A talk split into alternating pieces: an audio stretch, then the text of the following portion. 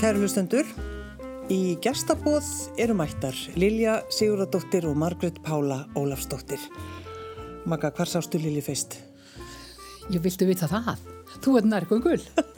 Ég hef sá Lilju fyrst þegar hún kom í heimsókn og skrifstofunni hjá mömmu sinni sem mann fyrir hlaðvarpan og ég var á samstarfskonu minni með lítið ráðgefa fyrirtæki fyrir leikskóla.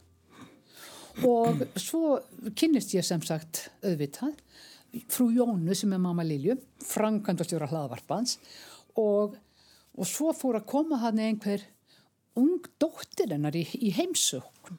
Ég var endar undrand á því hvað hún sótti það alltaf fast að sýta lengi og ég heyrði gegnum þunna veggina í hlaðvarpanum og hún var að samfæra mömmu sínum að koma yfir til okkar eða, eða bjóða mér yfir í kaffi á henni. Varstu strax skotin í henni? Já, ég verð að segja það, sko. Þetta er, þetta er eiginlega enn neyðarlegri saga vegna þess að, sko, að í fyrsta ég sá möggupólu þá var ég að koma á skrifstofu laðarpans til þess að segja mömmu hvað ég hefði fengið á samranduprófunum. Og þannig að ég var, sko, 16 og hérna, eða 15 eða 16 og en svo náttúrulega, sko, kynntumst við ekkert almenlega fyrir mörgum árum setna sko, en ég hafði strax mikið áhuga á henni, ég verði að hjáta það.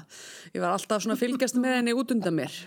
Svo flutti hún til útlanda í einhver ár og svo hitti ég hann aftur þegar hún var flutt heim til útlanda og ég orðið fullorðin. Og það var nú gaman. hvað, hvað er mörg ára millikar? 15. 15 ára mill okkar. En ég verð nú að bæta við söguna fyrst við erum þarna á annar borð mm -hmm. að það var nú ekki lengra síðan en á gamlarskvöld við vorum hjá pappaðinum og mömmu sem eru orðin aldur nýjinn að ég sagði við frú Jónu ég sagði ykkur les nú kannski ekki alveg vel á þetta í byrjun að við ætlum að fara að búa saman þetta var alltaf aldursmurinn mm. og þá sagði hann elska mín, ég vissi þetta frá því hún var að byrja að koma í hlaðvarpan og hvað hún síndi þér mikinn áhuga ég held hún hafi orðið skotin í þér strax og ég vissi það þótt að tæki sér nokkur ára verða einhverju meiru en, en hvað með því Manga Pála hvað hugsaði þú þegar þú hitti Lilju? Í hlaðvarpanum? Já. Bráð skemmtilegt ungmenni ótrúlega klár og skemmtileg mm. og En því að þetta er eitthvað í hug? Nei, nei, nei, hamingjan, sanna. Það fylgir líka sögni, sko, þegar við heittum síðan aftur, sko, Já. þegar ég er að nálgast títugt, þá, sko, sagt, þurfti ég að hafa doldið fyrir því að sannfæra hana um að ég væri hinn eina rétta. Þá varstu komin úr felum já, og já. við hittumst á djamminu á 22. Algjörlega. Ég var á milli vita og ekki neittni sambúðið en einu á þessum tíman. Já en hún hafði samt engan áhuga á mér og ég þurfti að hafa svolítið fyrir því þannig að hérna, þetta er sko ég stundu sagt að sko sambandið okkar er eina, er svona eitt af fáum uh, sönnunagögnum fyrir því að svona stólking virki. Akkurát. Já, það, það getur haft hérna góðan endi sko. Já, það tók henni dáltinn tíma til að fá bara fyrsta deiti, það tók henni langan tíma. Ja. En af, af hverju varstu hyggandi? Svo ung. Já. 15 árum yngre en ég mm. og það tók hana langan tíma að fá mig á, á, á deitt og, og svo náttúrulega uh, og ég hugsaði bara með mér já já þá bara og við skulum hittast og við tátti ekkert meira að verða úr þessu mm. en síðan kom nú annað deitt og, og þriðja deitið og mér brá svo þegar ég satt og heima hjá mér var horfðum gluggan og ég áttaði mig á því að hún væri kona drauma minna. Hún hefði allt sem að bara ég myndi falla fyrir. Fyrir utan að vera svo klár og skemmtileg og hlý og, og dás, bara dásanlega öllu leiti og ég var skotin í henni. Eina vandamáli var, hún væri svo ung. Já. Þetta voru mínu eigin fordómar og þá var ég alltaf búin að vera að reyna að setja stopp á millideitana því ég ætlaði mér ekki að fara að fara að leipa þessir konin í líf mitt. Þessum krakka? Þessum krakka, nei. Og þá horfið þessi augu við það, gott og vel, ef hún verið nokkrum árum eldri þá væri hún bara svo, þá væri hún fullkomin lífsförunautur sem ég bara ekki sleppa úr höndunum. Mm. Þetta eru náttúrulega bara aldursfordóma. Ég veit það. Já. Ég enda alltaf með að lappa mínu eigin fordóma. Þetta var ekkert um að fordóma. Já, en varstu, Magapála, varstu að leita að ástinni? Já og nei. Uh, ég var búin að missa trúna á svona það að, að hitta kannski hérna einu réttu og það myndi leiða til bara varanlegar varanlegs sambands en, en undir niður í já var ég leitandi og uh, fór þó inn í sambandið engungu til að gefa því séns mm. og ég skal segja það hygglust, Lilja veit þetta mjög vel þetta er eina sambandi sem ég farið í um dagina sem ég ekki haft neina trú á að myndi endast ég vildi bara gefa því séns á meða stæði En það er kannski bara, er kannski gott, einhver leiti, hafa gert það? eða Já, hvað? ég held að það sé í raun og verið doldið gott viðhorf. Já, Af því að það heldur, sko, ef maður heldur um að sé einhvern veginn komin í örug og höfn, þá er maður kannski ekkit að vanda sig. En, en já, ég held það. Síðan þetta var, eru núli að verða komið 30 ár. já, Þannig að, þannig þetta áru var það langt hjá okkur já, þetta er búið að endast, endist ennþá allavega. 30 ár? Já, 30 ár, sko. hefur þú trúið þessu? Ég, aldrei. Já, næsta hefði- sumar verða 30 ár. Já. Já. ég hefði aldrei trúið þessu sjálf Maður man bara eftir þessu að að það var alveg, haldið ekki bara á hún Magga Pála sem ég byrja með einhverjum krakka. Já, ég veit það. Þetta reyndi, þetta reyndi á mig, en eins og ég segi sem betur fér, þá útteglokaði ég ekki þessa konu úr lífi mínu að lokum, þegar ég var búin að horfast í augu við eigin fordóma.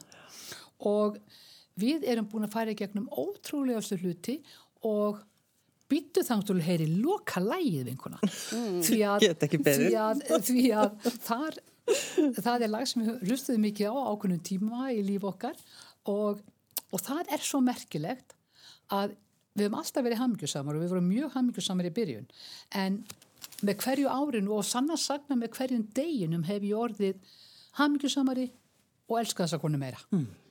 Þetta er mjög skemmtlegt viðtal. Þetta er frábært viðtal. Jú, mjög gaman að. Áttu ekki bara að segja það sem við hugsa? Jú, ég var búin að byggja ykkur að gera þetta. Það er bara sinn. En uh, Lilja, þegar þú, f- þegar þú sem sagt ferða elda Möggu Pálu Já, já.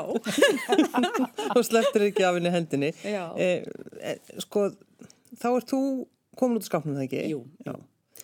og búin að eiga tvær kærustur og hérna og leika með doldið en sko ég held að ég sé raunverulega mjög mikil svona hjónabands manniska svona hjónabands heimilis manniska ég held ég myndi ekki nenn að vera einhleip ég held að það sé ekki mjög gaman en já þannig að ég held að ég hafi bara einhvern veginn vita það alveg frá því ég var ung mér langaði bara alltaf að eiga heimili og elda mat og þú veist, hérna sinna svona, eða þú veist, vera í svona daglegu lífi með einhverjum já, já. Það sést líka á mér hvað Lilja eldar góðan mat Já. og að hún gerir það svikalust. En, en hvað með börn? Varstu eitthvað búin að hugsa um það? Sko nei, þú veist, á þeim tíma þá var það ekki eitthvað sem að lesbíur gátu hugsað mikið um. Nei, nei. fólk þurfti að hafa góðan efnahag til þess að geta þá farið til útlanda í tæknifrjókun eitthvað svoleið sko. Og þannig að það er einhvern veginn eitthvað sem að var svolítið bara sett út á borðinu. Og Magga átti náttúrulega eina úrlingsdóttur þegar við tókum saman. Og okkur til láns að þá hefur hún markfalda sig svolítið þannig að við uh, höfum ekki verið saman í móðurhlutverki en við höfum verið saman í ömmulhlutverki og þau eru orðin fimm og nú er komið langömmu bann. Thank you very much. Hvað finnst þér um þetta fyrir Lilju að vera ekki bara amma heldur langam og hafa aldrei þurft eignar spann? Nei, 48 ára. 48 ára langama. Já. Vel gert. Mér finnst það, mér finnst þetta svolítið velgert sko. Já, já. Og, hérna, og þægilegt sko í framkvæmt. Maður þarf aldrei að hafa áhyggjur sem fóreldri. Þú fær bara barnabönnin frí. Já, já. Ég mæli mjög mikið með þessu. Þetta er búið mikið tekið. Já, já. En að því að, eh, sko, Magga Pála, þú talar um um haminguna.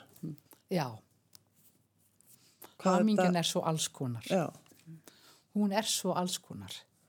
Og þegar ég var yngri þá sá ég alltaf fyrir mér haminguna sem þennan, sem þennan þetta, þetta einfalda eilífðar bliss sem að bara lifir og lifir og hvorki, hvorki þjáning, erfileikar eða átök af neinu tægi myndi gera vart við sig. nei, nei.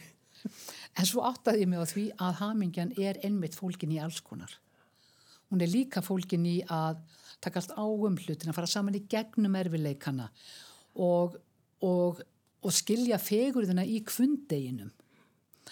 Ég var nefnilega þegar ég var yngri, þá var ég, þá var ég mjög leitandi eftir svona, sko eftir bara mega fjöri. Einhver algjöru stuði. Þú ert það nú eiginlega en þá. Alltaf að leita mega stuði. ætla ekki að skemma þetta fyrir þér, nei, þetta nei, ljóma nei. mjög vel eins og hefði róast og svo mikið, já. en, en þú veist það er kannski alltaf að segja út af slustendum það. Já. Nei, en það er eitt af því sem ég hef ekki hvað síst lært í sambúðinu við Lilju, það er að skinja þessa hamingju í kvundeginum. Bara það þakklætið og af því að við höfum aldrei gengið að hvort annari vísri.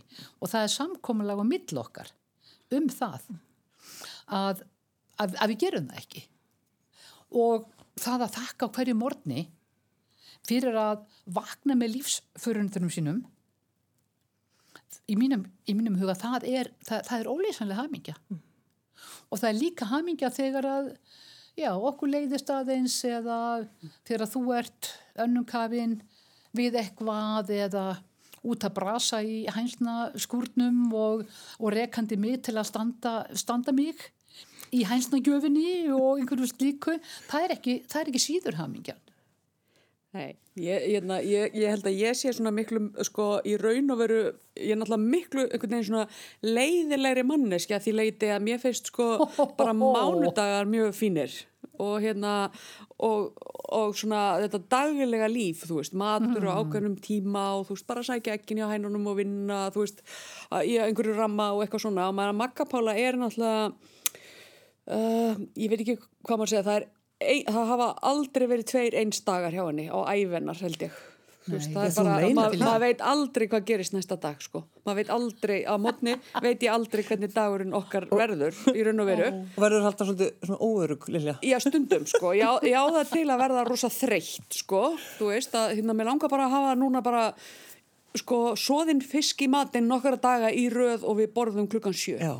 Eitthvað svona. Er það, það- það, kemur fyrir, sko, að ég verði svona. En oftast nær er ég bara mjög samt sátt við þetta því að við balanserum hvora aðra út, sko. Ég held henni í svona, reyni að halda henni í svona einhverju mundane kurstagsleika og meðan, meðan, veist, svo hún þeitist ekki út í game, sko. Já, en hún um leið dregur hún mig út í meiri æfintýri sko. Já, já. og ég held að það sé alveg gaman sko að þú haldir þessari hugmyndum svo þeim fisk klukkan sjö Já, já, ég meina mamma- dagana í jafnvel í fimm, sex, sjö daga Í röð, að það mun já. ekki takast Nei, nei, ég veit það. er ekki einu svona í tvo daga En maður verður að hafa drauma, sko. Já, Ha. svo stóri draumandir en að Lilju. já, þetta eru stóri draumar.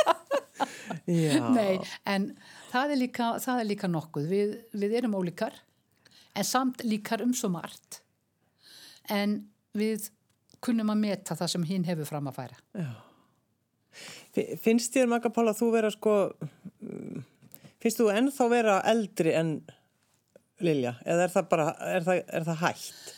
Uh, stundum og stundum ekki stundum finnst mér að vera eldri en stundum finnst mér að vera yngri. Já, já, já. það fer algjörlega eftir aðstæðum aldur er líka svo afstæður Uh, ég segi stundum að svona, við náum því öll að verða fullorðin á einhverjum tímapunkti sumir eru orðni fullorðni bara um 15 ára eins og Lilja aðrir ná kannski tökum á því á færtusaldrinum eða jafnvel síðar og þannig að þetta aldur er svo óendanlega afstæður Þannig að stundum, já, stundum finnst mér að vera yngri en þú eins og, eins og hérna, já, í stökkva í móturhjólaferð á hans að, að blikka auga beint út í óvissuna Já. Ég, en svo finnst mér að vera miklu eldri en þú á ákveðnum stundum. já, já. Ég, ég er alveg sammála þessu. Mér finnst ég stundum vera miklu eldri en þú. Og svo, svo, svo skrítið sko með, þetta snýst líka svolítið mikið um orkustig. Að sko þrátt fyrir þennan aldursmu núna þá erst þú miklu orkuríkar en ég. Bæði andlega og líkamlega heila. Og hérna... Og það er svolítið spes, sko, ég bara er, finnst ég stundum sko bara lafmóð einhvern veginn að fylg, vera fylgjani eftir í alls konar brasi, en, en hérna, En hugsaði líka hvað þetta var mikil snild. Já, Að þú skildi þá velja, já, já, velja mig og ég skildi velja þig til þess að svona balansera orkustíð okkar. Já. En finnst ykkur það samt þannig að, að það var í rauninni Lilja sem valdi Magga Pálu? já. Og Ég þurfti að samfæra hana svolítið um að velja mig, sko. Já. Þú lagðir að mörgum en ég tók ákvörðun um það að segja jáið. Já. En Skulum var, ekki, við skulum ekki taka það frá mig. Nei, nei, það Na, ég var ekki bara valin. en, En það er gaman að vera útvalin. já. fyrir utan það. En sko, ég man bara eftir þess að það var svolítið svona talað um þetta. Þú veist, þó ég sé að gera svolítið grínaði þá. Já. En það var það, er það ekki? Þetta vakti aðtikli. Þegar Jú, það gerði það. Það gerði það.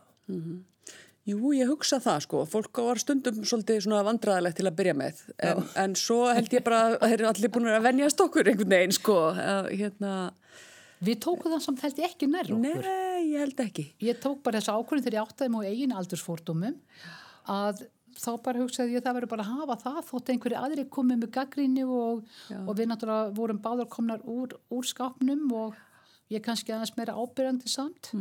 Ég er bara, ég bara ákvað, ég bara ætla ekki að láta það stjórna lífi mín og líðan. Nei, nei, nei. Nei, nei. Og því ég held að sé líka þannig að sko þegar maður hefur svona syndi yfir eitt jökulfljót sko að þá er einhvern veginn þú veist eins og að koma úr felum og sætta sig við það að vera lesbísk og, og hérna og velja sér konu sem lífsförunu þá verður einhvern veginn annar skringileiki ef ég má segja það þú veist svo, svo lítill þú veist í samaburði veginn við það sem að þú þarft að mæta til einhvern veginn að einhvern veginn fara í gegnum það og bara hvað var það sko við mót annara og alls konar.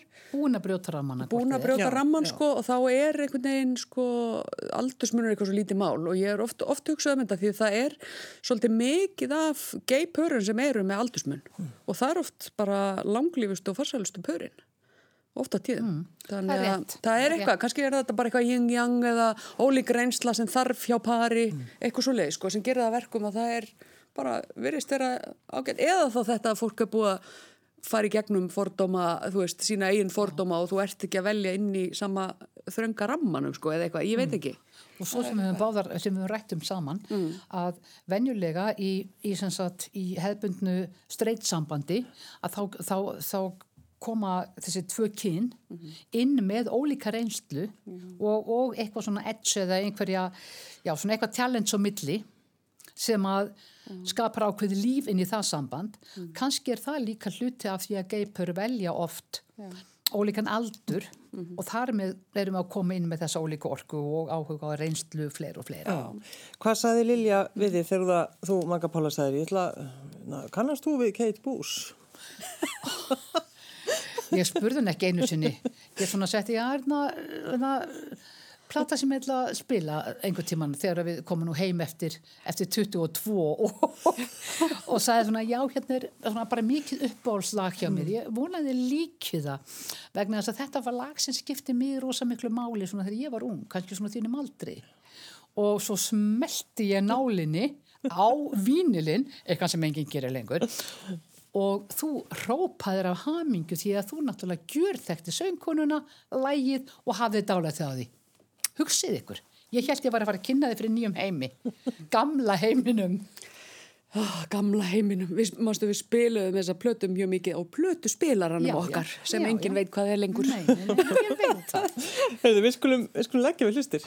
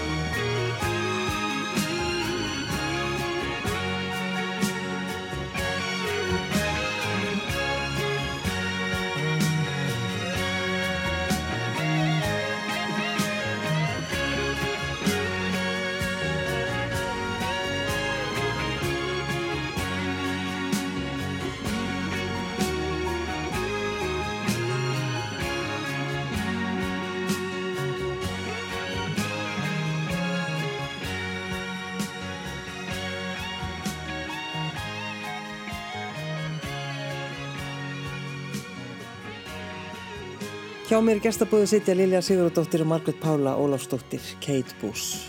Þetta lag, Ó. náttúrulega. Þetta er stórkostlegt lag. Geggja. Og er þið ennþá Þetta er klassík. Er það að hlusta á þetta ennþá?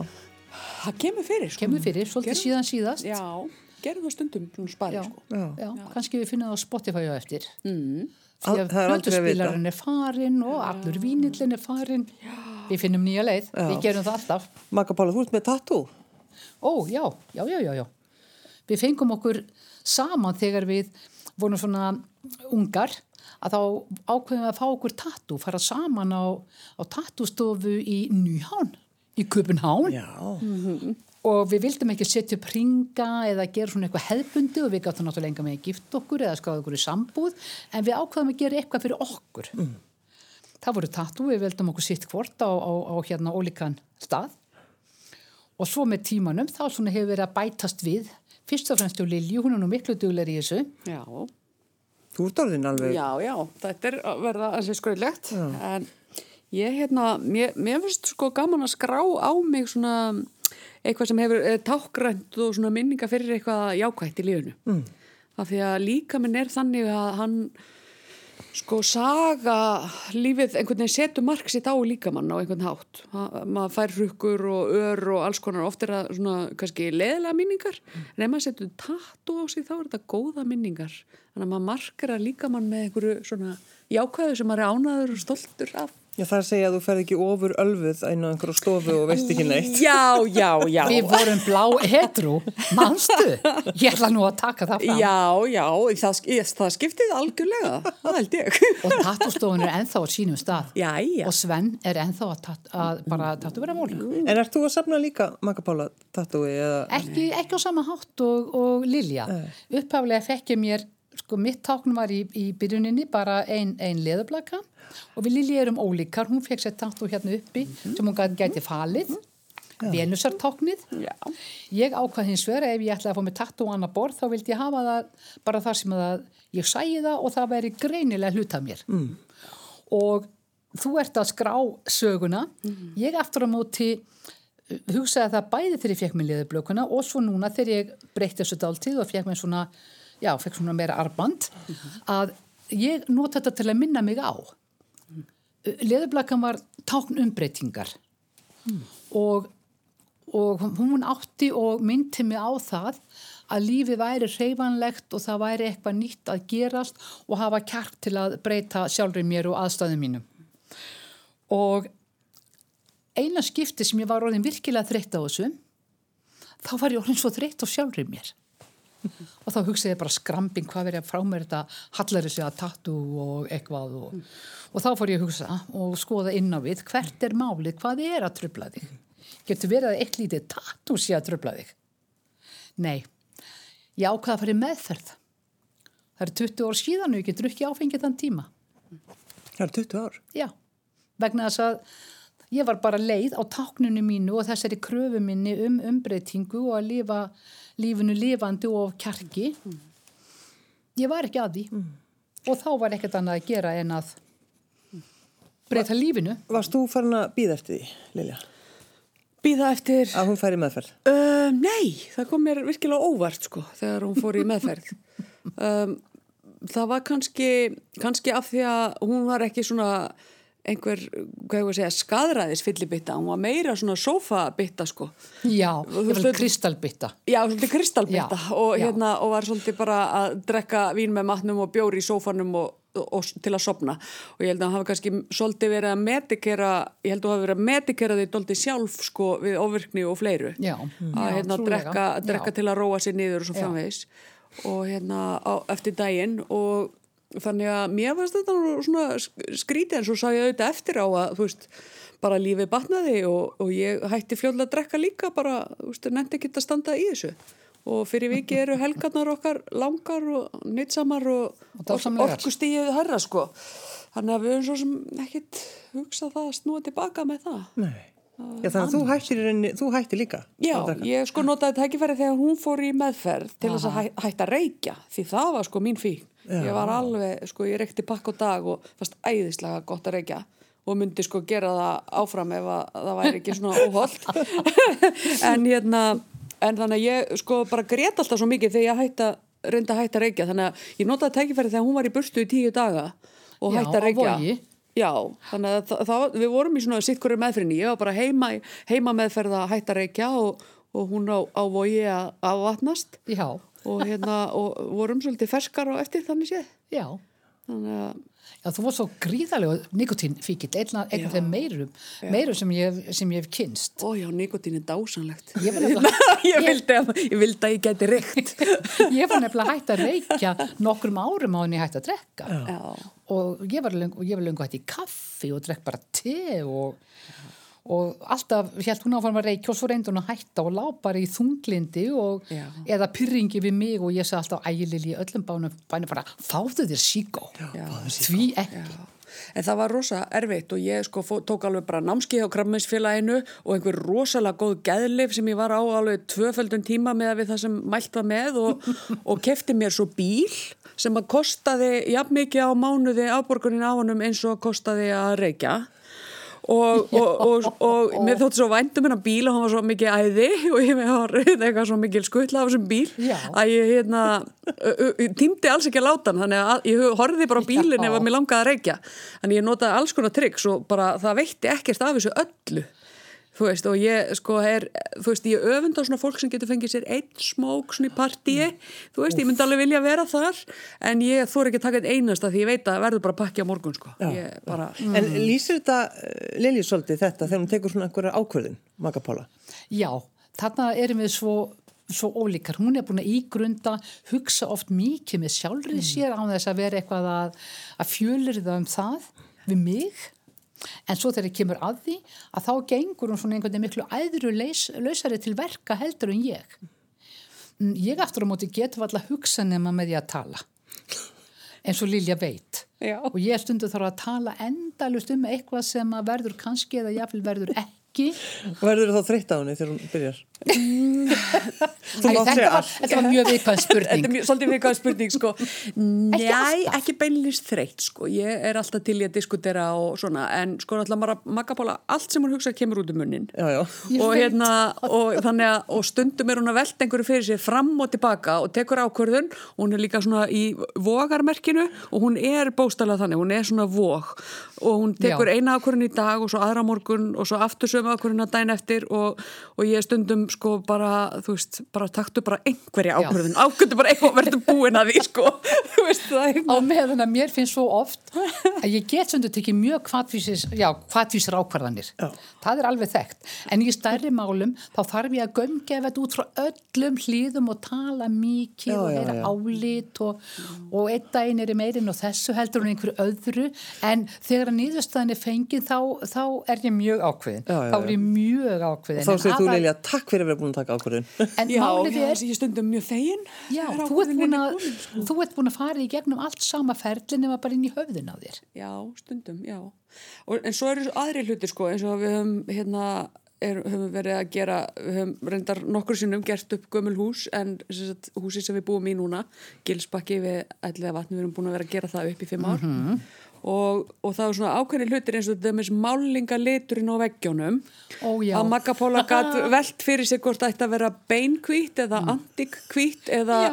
einhvern veginn öðruvísi ekki að skellja hvít Ég eða eitthvað sko á smáatriði hurða- skipta svo miklu hurðarhvermunum. máli. og þetta var sko bara alvöru umræða bara mjög lengi og ég bara, þú veist ég, var stundum man svona orðin örvæntingar fulli við málingar Veldu bara einhvern hvít, hann lít mér alveg sama hvað hann heitir. Já, og svo enda með því að Magapóla valdi bara alla litina í húsinu og mérst bara mjög fínir og hérna, en hún virkilega ígrundaði sko Já, ma- fór í, í lítastúdíu málingalitina og, alveg. Og setti mikið að pröflitum í öll rými til að sé ólíka byrtu og fleira og fleira því að ég vildi fá, ég vildi fá alveg kjarnaða niðurstöðu Já, já. en þú varst náttúrulega búin að gefa svolítið upp á þessu en, en hún hefur aldrei gefist upp á mér Ertu að Nei. taka eftir því? Ég er að taka eftir því.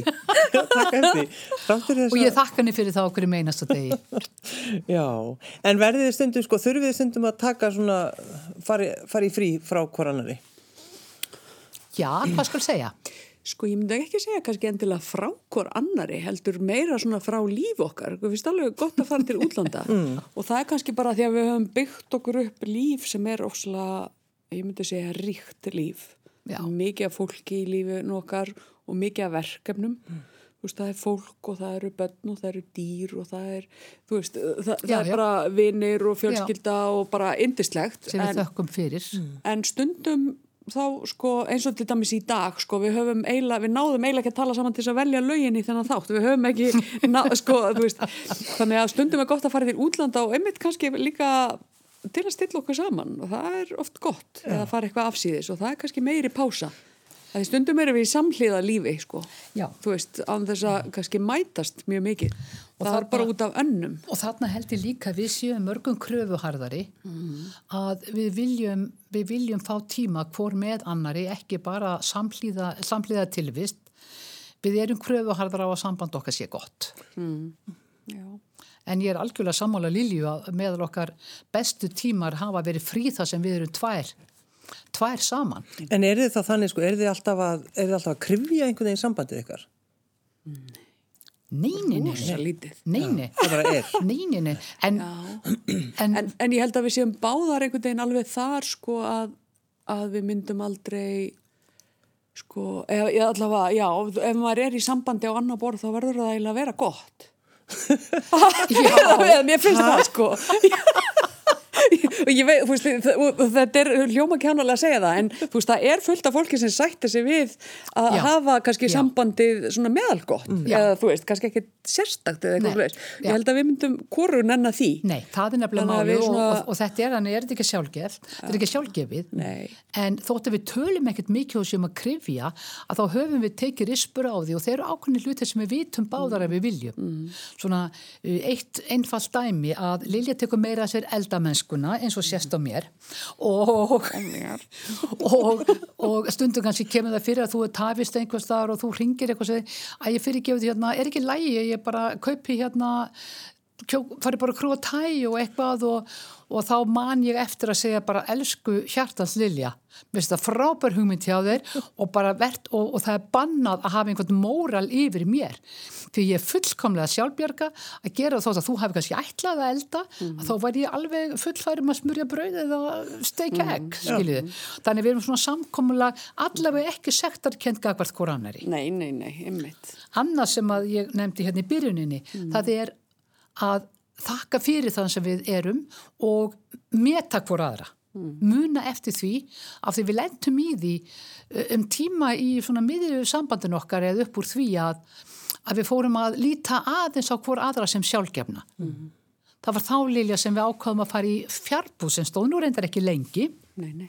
En Fórum í fre- fjárbúðum, vorum samt alltaf saman. Já, já. Það var svona gott að, gott að hugsa það að við værum í fjárbúð. Ef við hugsaðum það þannig að því að þetta var svona statement hjá okkur, við fundum að við vorum ekki alveg eins ánæður við höfðum verið nei, nei. og við vild, við bara, við metum sambandið okkar og kærleikin okkar svo mikið að við vildum ekki láta það þróast áfram því, að, því að þannig fara sambandi sundur af því að fólk, við grípum ekki í neina tauma fyrir það orðið allt og seint. En hvað stóð þetta yfir lengi, þessi fjárbúð ykkar innan gæsilega Á, er þetta nokkur ár? Já. Fjög, fimm ár. Þetta, já, þó það? já, hétu það en við vorum nú að mestuleiti saman ef við heldum tvö heimili Já, já. til að undistrykka. Við þurfum ekki að vera saman frekar en við veljum það sjálfar. Nei, nákvæmlega. Já, og svolítið ólíka þarfi líka, sko. Já. Þú veist, ma ma Magapóla er mjög mikil svona sveita júla.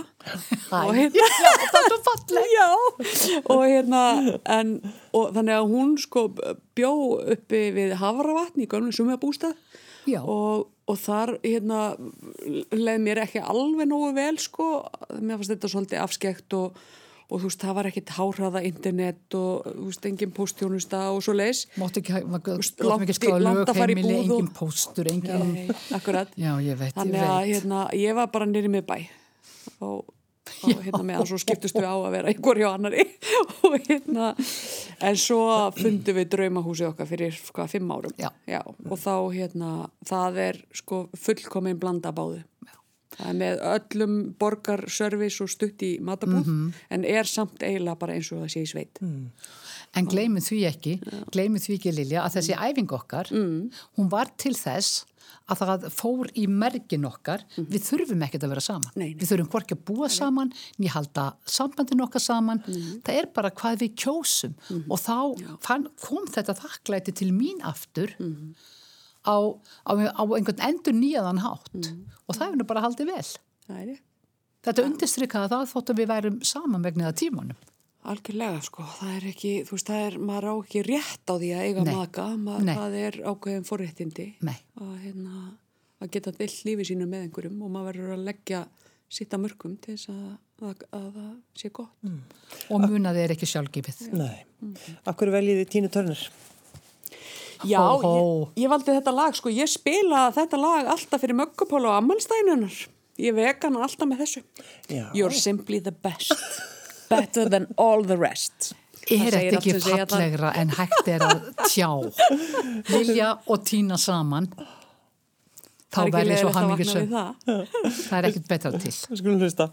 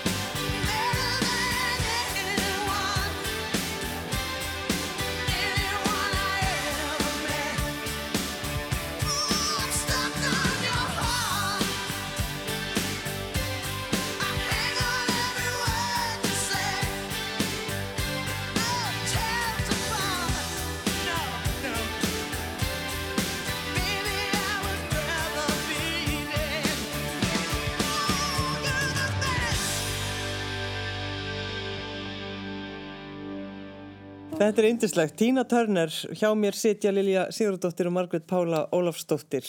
uh, það er nú hægt að, að brosa út í annað. Ég sé þið alveg fyrir mér vakna, sæl og, og, og káta átt afmæli, hlusta þetta lag. Já, vera vakið með, með tepallunum af, af elskunni minni og, og bara verið að blasta tínu törnir Já, í græjunum eins og hægt er.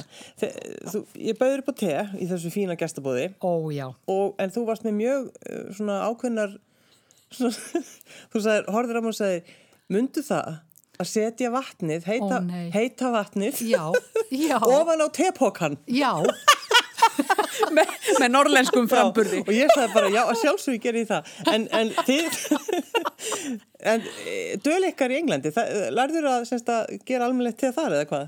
Nei, ég var byrjuð að drekka, ég var byrjuð að drekka te áður. Já, en þetta var svona... En þetta skerpti ennþá samt Já. á te vitund minni. Ég Já, meina, við og þetta var bara- svolítið traumatist að flytja til Íslands sko vegna þess að það var, ef þú fórst á veitingastað þá kunni enginn að laga te. Nei, það er sko Nei. það versta, við getum alveg rætt þetta eins, það Já. versta sem maður fær, það er þegar vatni er, það er dáið strax bara, það er Já. og svo er, þarf maður að rífa af tepókanum skil. og setja Ég tegunni, það. kalt vatn sem er Ég dáið. veit það, já, þetta er dáið og, það, og kjarnin í teðinu losnar aldrei. Þannig að ég ætla að byrja svona afsökunar á þessi stjórnsemi.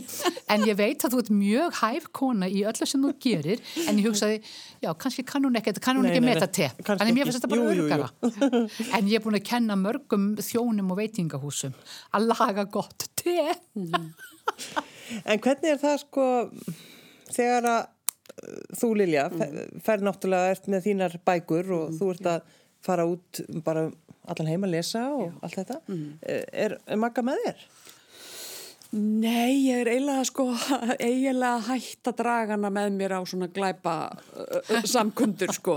Ég, ég hef nú uh, drustaðinni greiðinu eitthvað, eitthvað um mér setti nýja sjálands á, á glæpa ráðstefnur en, en hérna ég sé bara, hún líður doldi fyrir þetta en er að gera Æ. þetta fyrir mig sko þannig að það er hérna, við lesum báðar mjög mikið en sko glæpa áhugin er aðalega mín megin. Já, það er og, og þú hefur staðið því vel sko að sitja og, og með áhuga svona samansvip og, og hlusta á mig tala um glæpasögur. En hérna en það er sko ég hef aðalega verið að fara einn og þetta er oft sko eins og, eins og var í, í fyrra, eða hitti fyrra fyrirgeðu hérna svona bara helgar einhverjar uh, hátíðir.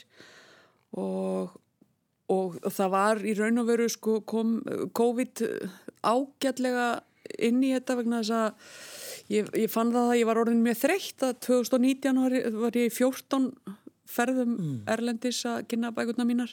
Maður hefur heyrt þetta svolítið rítvönd að tala um Já, þetta. þetta er, eh, það var orðið doldið mikið sko. en auðvitað er það, það er alltaf gaman. Ég er alltaf glöð því að ég er komin á staðin og hitti fólkið og, og lesendurna og, og skemmtilegt. En það er svona ferðirnar sko, geta verið svolítið hérna, krefjandi að vera alltaf að fljúa en, og ekki, ekki umhverfisvænt heldur sko. þannig að kannski COVID gefi líka tækjaverð til að endur sko alls konar svona hluti og Já. það er svo margt hægt að gera bara online sem að er hérna sem að maður var að mæta á staðin til að gera og Magga, þegar þú, þegar að Lilja kom til henni og sagði ég er búin að, eða allar skrifa, Já. eða búin að skrifa, hvernig, hvernig var það? það var endar það var endar mjög skrítið og svona alls konar saga ég nú bara hvað viltu heyra það, það, var, það var alls konar. En það, en það, það voru meiri breytingar á lífinu sem að voru í gangi og ég var ekkert mjög stíðandi, það skal alveg játað. Já, þú Og- meinar? Já, já, ég ætla ekki að fara að gangast við því og, og fara að segja ég sé þessi fullkomna kona sem að sta, hafi staðið með hverju áhugamáli konu mér eins og ekkert væri. Neyninni, það reyndi helling á mig og bæði af því að á þessum, á, þarna vorum við líka Lili var að, að, að færa sér þá meira yfir í það. Við höfðum unni mikið saman. Fyrst í samtökunni 78 og, og svo í hjallastefnu starfi og á margan hátt fannst mér eins og hún var að yfirgefa mig og farin í einhvern annan heim og ég var reið og ég var abbo og allt hann á milli. Elska mín bara en Lilja veit en Lilja veit náttúrulega að, að hérna, maður breytir ekki fortíðinni það er þetta yðrast og byggjast afsökunar. En þannig er það bara. Í dag er ég já, massíf stuðnískona á ekki að segja þér frá því að öllum skáldverkum á síðasta ári öllum íslenskum skáldverkum á síðasta ári hver heldur að hafa verið nummið 12 kona mín Lilja ég má gorta mig. Og, og ég hef alltaf mikið áhuga á því bæði ef hún er að segja mér einhverjar hugmyndir en hún gerir það nú ekki alltaf um bækurnar sínar. Og en ég er alltaf óendanlega þakklátt þegar hún býður mér um að lesa í kannski fyrstu eða annari áðurunda fer ég að fylgja útgefenda eða eftir fyrstu próförk og sko- og þá er ég um, ég segi alltaf við henni, hún veit að ég segi alltaf allt sem mér finnst. Já, já. svo síðasta veistu það, hún, hún er alltaf við framför síðasta bókin er best og næsta sem kemur næst, hún verður ennþá betri En, en sko, hvernig, hvernig bæst þú við? en, en samt, elskar mín, ég verð að segja það mér til afbötunar Já. að það að ég hef ekki túrað heiminn með Lilju að það var ekki út af fullkomni, út af vilja leysi ég náttúrulega hef líka verið mjög önnum kafinn og eins og bara þarna 2019 var ég mikið í Skotlandi þar sem að ég var að prófa hérlastefnuna í einhverju öðru umhverfi og það raks bara einhvern veginn á að í hvers skipti sem ég átti frí og komst heim að þá var Lilja bókuð í ferð. Já. Þannig að þetta var nú ekki alltaf valkostur. Nei, nei, nei, nei. En þurftur þú svolítið svona, varstu hissa á þessu, Lilja, að, að Magga Pála svona var svona einhvern veginn óörug? Já, sko, ég, já og nei, ég, hérna, ég maða nú eiginlega bara ekki. það er Ég gleymi, ég gleymi alltaf bara öllu sem Já. er óþægilegt, Já. líkillina hemmingunni, sko. Jú, jú. Já. Nei, ég held þetta sko hafi verið akkurat að því að við vorum í raun og veru að hætta að vinna saman eftir Já. rosalega mörg ár Já. og ég held að það hafi kannski verið stærsti, inn. stærsti Já. Og, og hérna já, ég hugsa að það hafi verið eh, einhvern veginn þannig sko en, Já, ótti við að vera að missa þig inn í eitthvað umhverfi sem ég Já, þekkti já. ekki. Já, og svo náttúrulega bara erum búin að sjá það ég er ekkit að fara neitt sko nei, það sé að vinna við ykkur öðru sko þannig að það er bara Þannig að það, það reyndist engin þörf fyrir þennan ótta. Nei. En ég ætla svo sannarlega ekki að, að leina því að ég, eins og ég get nú stundu verið ágætt að þá get ég verið alveg skelvili líka og allt hann á milli. Ekki samt Liljanum mín. Jú, en aldrei leiðileg Já, mér er svo væntum þú að segja þetta. Já, já, það er nú það, hún er stundum erfið en aldrei leðileg, mér er aldrei leðist með ein, einasta dag en hérna, já En þegar, við, en þegar við fórum í fjárbúðina og komum kannski, komum kannski tvær vikur þar sem vorum alveg í sundur, Já. þá leytist sér stundum. Já, þá leitist mér stundum Já. Já, þannig að, Já. og þegar við erum tvær saman, til dæmis að ferðast eða, eða heima, uh, og fólk segir, já, er það bara að fara tvær? Ég hef aldrei skilið þessa spurningu, Mhm. því að skemmtilega svo besta kompani líka sem ég get hugsað mér er Lilja. já, já. Hvernig er þið svona, er þið að hugsa svona, já, hvernig verðum við þegar við erum að eldast saman? Þið erum náttúrulega búin að gera það í, í hvað, 30 ár, eldast saman. Já, já. En hvernig verður það orðið þannig, sko, já, að þessar gömlu kettlingarna tvær sem búið þarna í Já. húsinu Já, já. með hænurnar sínar? Já, Já, ég held já. að verði gaman að sjá okkur högta í kringum allir hannir. Er það ekki? Jú, ég held að hugsa við verðum orðnar jafnaldra þá. Ég held Já. að sko að því að Magga Pála eldist hægar heldur en ég, eða mér finnst það einhvern veginn, mér finnst ég alltaf vera að drífa á hana sko. Já, hefur ágjörði. En Já, ég veit, ég hugsa að við endum bara jafnar, jafngamlar sko. sko Já, kannski. veru. Já, en kannski en við höfum líka já, já, við höfum líka umburðalindi svona gegn, gegn því að að við erum báðar með svona, getum alveg glýmt við einhverja, einhverja kvilla, Mhm. þú með þitt lélega bak, þannig, mm. úr, þannig að þú svona þarf svona svolítið að hafa fyrir því að gangast yfir og eitthvað svona Stöku og, já. og mér er þá kannski illt í mjöðminni og það sem meira er að Svo hundurinn að hundurinn, að hann er komið mestu já, giktveikina hundurinn okkar er elstur, hann er tekinn fram úr okkur báðum sko. Já, Hann er orðin svolítið aldraður. Og er orðin gikt ykkur. Já, svolítið gikt ykkur og þippinn og, og Já. heyrnalaus. já, En, en hænurnar ykkar?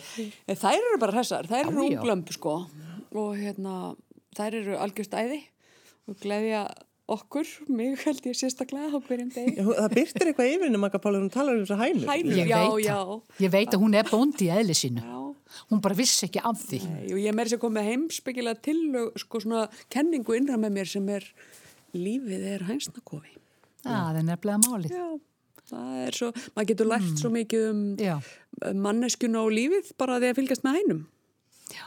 ég sagði gjarnan að lífið væri leikskóli. Já, af því að börn sína bara án þess að vera neitt að fela alla sína raunverlu tilfinningar og ætlanir og, og hugmyndir þau lemja ef að það er það sem kemur í hugan og segja það sem kemur í hugan en þau faðma líka óheikað og, og hérna og elska óheikað en það er alveg rétt og hæn, hænurnar eru nú bara óskaplega svipaðar þannig að lífið er best hjá þeim sem að eru ekki í því sem ég kalla fullorinsleiknum þegar við erum að stilla upp alls konar grímum og leika allskins, allskins hlutverk Já. er svo gaman þegar að þegar að það fellur og ég skal segja þér að hænurnar að hún salli yfir hæna hún er ekkert að fara í löngkofa með því að hún vilja ráða öllu, Nei. stjórna mestu borða mest og borða fyrst Já, nei. Og ef einhver efast um að hún hafi rétt á því, þá bara Aha. býtur hún vinkonu sínar. já, Goggar í þær. já. og er búin að tryggja sér bestu vinkonu Já. sem fer þá líka svolítið í þetta fyrir hana Já. Þetta er bara fullkomin hæna, Já. ég heyri það. Já. En, En þetta er svo rétt að, ég, ég stundu að tala um bleikust líkjuna þegar ég ræði um, um hérna kynja uppeldi. Það er þessi kvenlæga hegðun sem við eigum til að sína og mér finnst svo gaman að sjá, sjá hænurna hvað þær eru ekkert að leika þennan leik. En þær eru vissulega, þær búa sér til bandalög, það fara í, í klíkur, aðalhænan færa ráða mestu því hún bara goggar svo mikið í hinnar annars en býr svo líka til svona vináttu við allar saman, stelpur, þið vitið. Þetta er, þetta er kostulegt. Þetta er skemmtilegt. Þú, Það er engin hani. Það er engin hani. Mér, mér dætti ekki eins og huga að spyrja. Nei, nei. Þetta er sko, það, það er mikill, hérna, mikill feminismi í hæsna kofanum okkar. Væntanlega. Ég, það, annað væri vonbriði. Já. Uh, þú nefndir Magga Pála uh, lokalagið af því að við ætlum að koma því að núna áður en ég sendi ykkur út í daginn. Uh, hvaða lag er þetta sem þið völduð í lokin? Og Lilja samþykti það strax. Eh, Ég er svona post-hippi. Já. Náði ekki alveg í hippabildinguna en ég náði í lokin. Og uh, þú ert náttúrulega alin upp af gömlum hippum. Já. Mamma sendi papas eru dásamleg og mamma Kassu náttúrulega slær öll met. Og við hlustuðum mikið á þau um, um, um tíma og elskuðum þau alltaf. En það sem að mér finnst svo dásamlegt við þetta lag það er að eftir næri 30 ár að elska konuna mína og met hana meira með hverjum einasta deginum. Hverjum einasta degi það er gjöf sem ég get aldrei fullþakka fyrir og hún mamma Kass, hún syngur það bara miklu fallegar heldur en ég. Ekki það ég var ekki til að þrýfa gítarn og prófa, en ég mæli samt með þessari útgáfi. Finnst þið það ekki Lilja líka? Jú. Ég, ég, ég, ég myndi alveg vilja heyra þig syngja það líka. En sko, en mamma Kass er alveg með þetta. Hún er með þetta. Já. Með þetta. Það eru þið líka, Lilja Sigurðardóttir og Margut Pála Ólafsdóttir. Takk fyrir að koma í gestabóð. Takk fyrir spjallið og bóðið.